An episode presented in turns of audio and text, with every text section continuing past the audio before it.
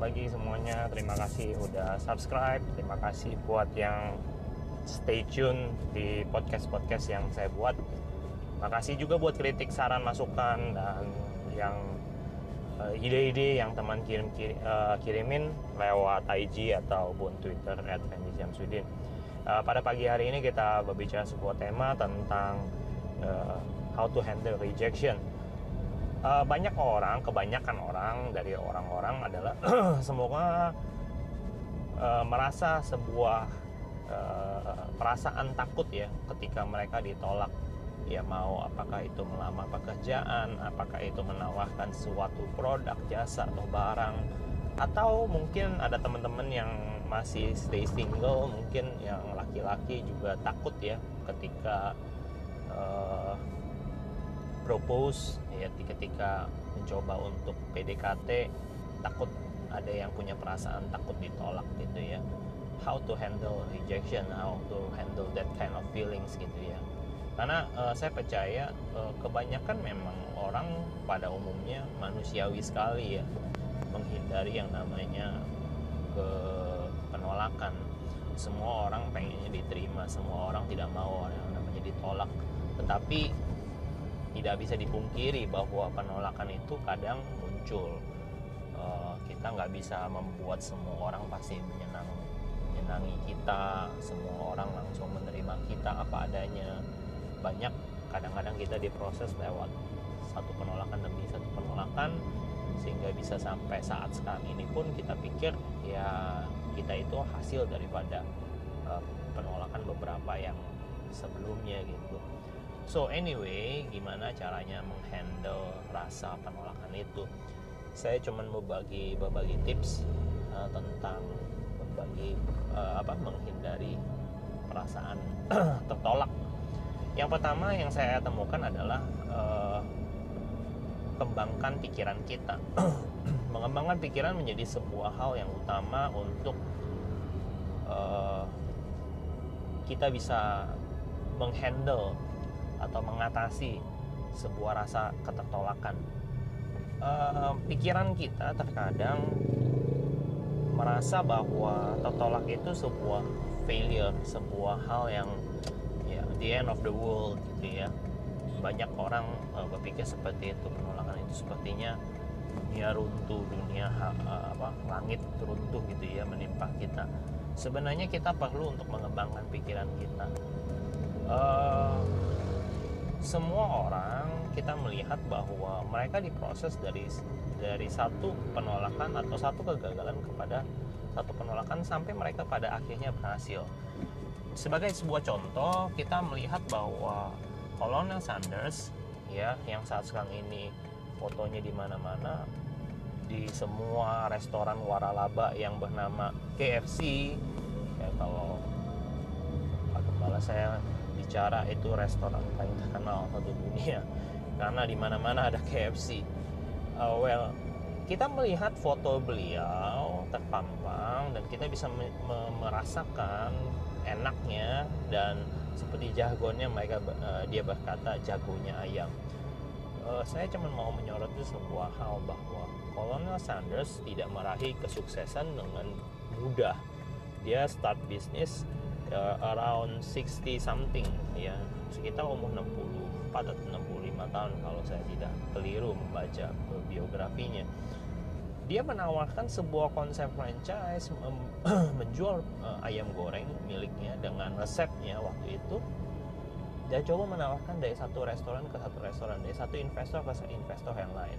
Saudara tahu dia mengalami penolakan uh, mungkin ribuan kali ya kalau dia menyerah di mungkin dia berhasil di 1009 coba kalau saudara bayangin dia ke 999 pun dia merasa bahwa I think I'm such a failure gitu loh. Kayaknya gue punya konsep nggak mungkin deh berjalan. Kayaknya I'd better give up. You know what? You never see any KFC restaurant up till today So, saya mau mengencourage teman-teman semua di sini, sales people, marketing people, semua orang-orang yang berkecimpung di dalam dunia bisnis asuransi, multi level, apa pun itu yang saudara tawarkan. Mungkin juga saudara juga ada yang ya sama seperti tadi saya katakan ada yang uh, would like to nembak ya apa nembak propose ya, untuk PDKT untuk jadian sama orang well I think kita need to develop our mindset. Kita perlu untuk mengembangkan pikiran kita. Sebab saya percaya apa yang kita pikirkan itu terkadang terlalu wah terlalu berlebihan gitu. Bayangkan bahwa penolakan itu adalah bagian daripada sebuah proses. Makin banyak kita melewati penolakan makin dekat pula kita dengan sebuah yang namanya keberhasilan atau kesuksesan.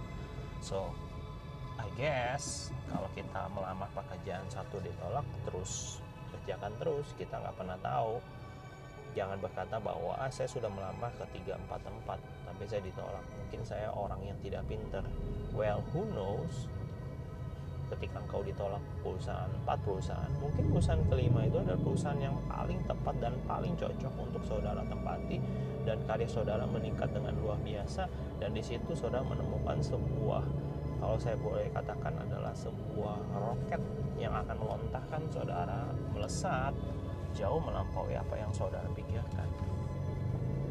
So who knows? Terkadang ya ya itu kita melewati hal-hal yang yang menurut mata jasmani kita tidak baik. Kita melewati penolakan kita melewati namanya uh, kegagalan. Tetapi saya percaya semua proses itu diizinkan untuk mendatangkan kebaikan pada akhirnya. Ketika kita percaya bahwa ada Tuhan bersama dengan kita saya percaya juga kok bahwa segala sesuatunya Tuhan ikut bekerja di dalam segala hal untuk mendatangkan kebaikan bagi mereka yang mengasihi dia. Nah, itu yang pertama, mengembangkan mindset. Tips yang kedua, saya mau berkata bahwa selain mindset, yang kedua kita juga harus yang namanya uh, percaya bahwa ada sebuah hukum. Kalau saya sebuah ilustrasi. It's like a throwing dice melempar dadu. Hukum probabilitas. Hukum probabilitas melempar dadu kalau saudara lihat dadu itu ada 6 muka 6 sisi. Kalau ditanya kapan saudara bisa mendapatkan angka 6 keluar dari sebuah dadu yang saudara lempar bisa mengatakan bahwa secara matematis kita akan menghitung secara probabilitas angka dadu yang keluar angka 6 adalah sekitar 17% kira-kira. Saya hanya mengatakan kira-kira. Karena 100% dibagi 6 sisi kira-kira di angka sekian. Nah yang saya mau bagikan kepada setiap kita bahwa kalau kita tahu bahwa peluang ya 17% daripada satu lemparan. Apa yang terjadi kalau kita melempar lebih banyak? Apa yang terjadi kalau kita melempar 100 kali? Bisa besar kemungkinan bahwa kita akan mendapatkan 17 kali angka 6 bukan? 100 kali kita lempar ada kemungkinan 17 kali kita mendapatkan angka 6 bagaimana kalau kita naikkan attempt kita atau usaha kita jadi seribu kali. Bukankah probabilitas kita mendapatkan angka 6 menjadi 170 gimana kalau 10 ribu? Gimana kalau 1 juta? Gimana kalau 100 ribu? Gimana kalau 100 juta? So kita bisa melihat di situ bahwa hukum probabilitas secara dunia kita menghitung the number of uh, the results itu berbanding lurus dengan the numbers of attempt. Semakin kita perbesar usaha kita semakin besar pula kemungkinan kita mendapatkan angka tersebut. Jadi saya mau berkata bahwa tidak ada cara lain untuk mendapatkan sebuah keberhasilan tanpa dibarengi dengan kau menambah jumlah usaha yang kau pakai. Kalau kita tidak mau melakukan memprospek menawarkan kita tidak pernah tahu saudara-saudara. Ibarat kata kalau kita mengetuk pintu door to door dari satu komplek kita tidak pernah tahu pintu yang mana yang akan menyambut kita yang akan menerima kita yang akan memakai produk kita yang akan menerima kita memang mungkin ada kemungkinan. Semuanya menolak. Tapi ada juga kemungkinan semuanya menerima bukan jadi kalau kita tidak mencoba bagaimana kita bisa mendapatkan?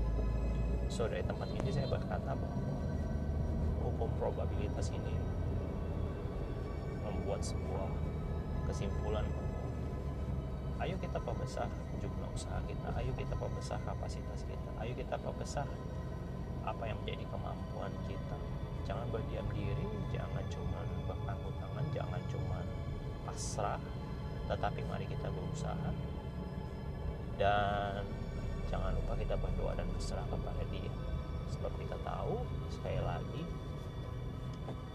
ya kita berpikir apa yang baik apa yang sedap didengar apa yang adil apa yang itu dikatakan sebuah hal yang namanya manis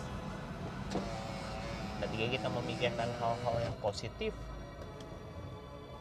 ketika kita berpikir bahwa kita bisa mendapatkan segala sesuatu kita bisa mengatasi segala rasa ketolongan kita kita bisa jadi pemenang sebab kita memiliki DNA lebih daripada pemenang maka saya percaya saudara tidak lagi fokus kepada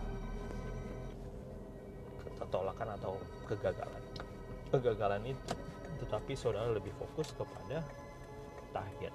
Saudara atau fokus kepada tujuan saudara.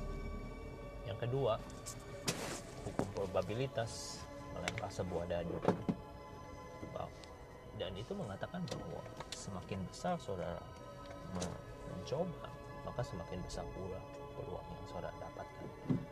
Saya percaya itu pun terjadi kepada setiap aspek kehidupan kita mau kita di dalam pelayanan mau kita di dalam pekerjaan mau kita di dalam dunia sekuler ataupun marketing atau apa pun lah.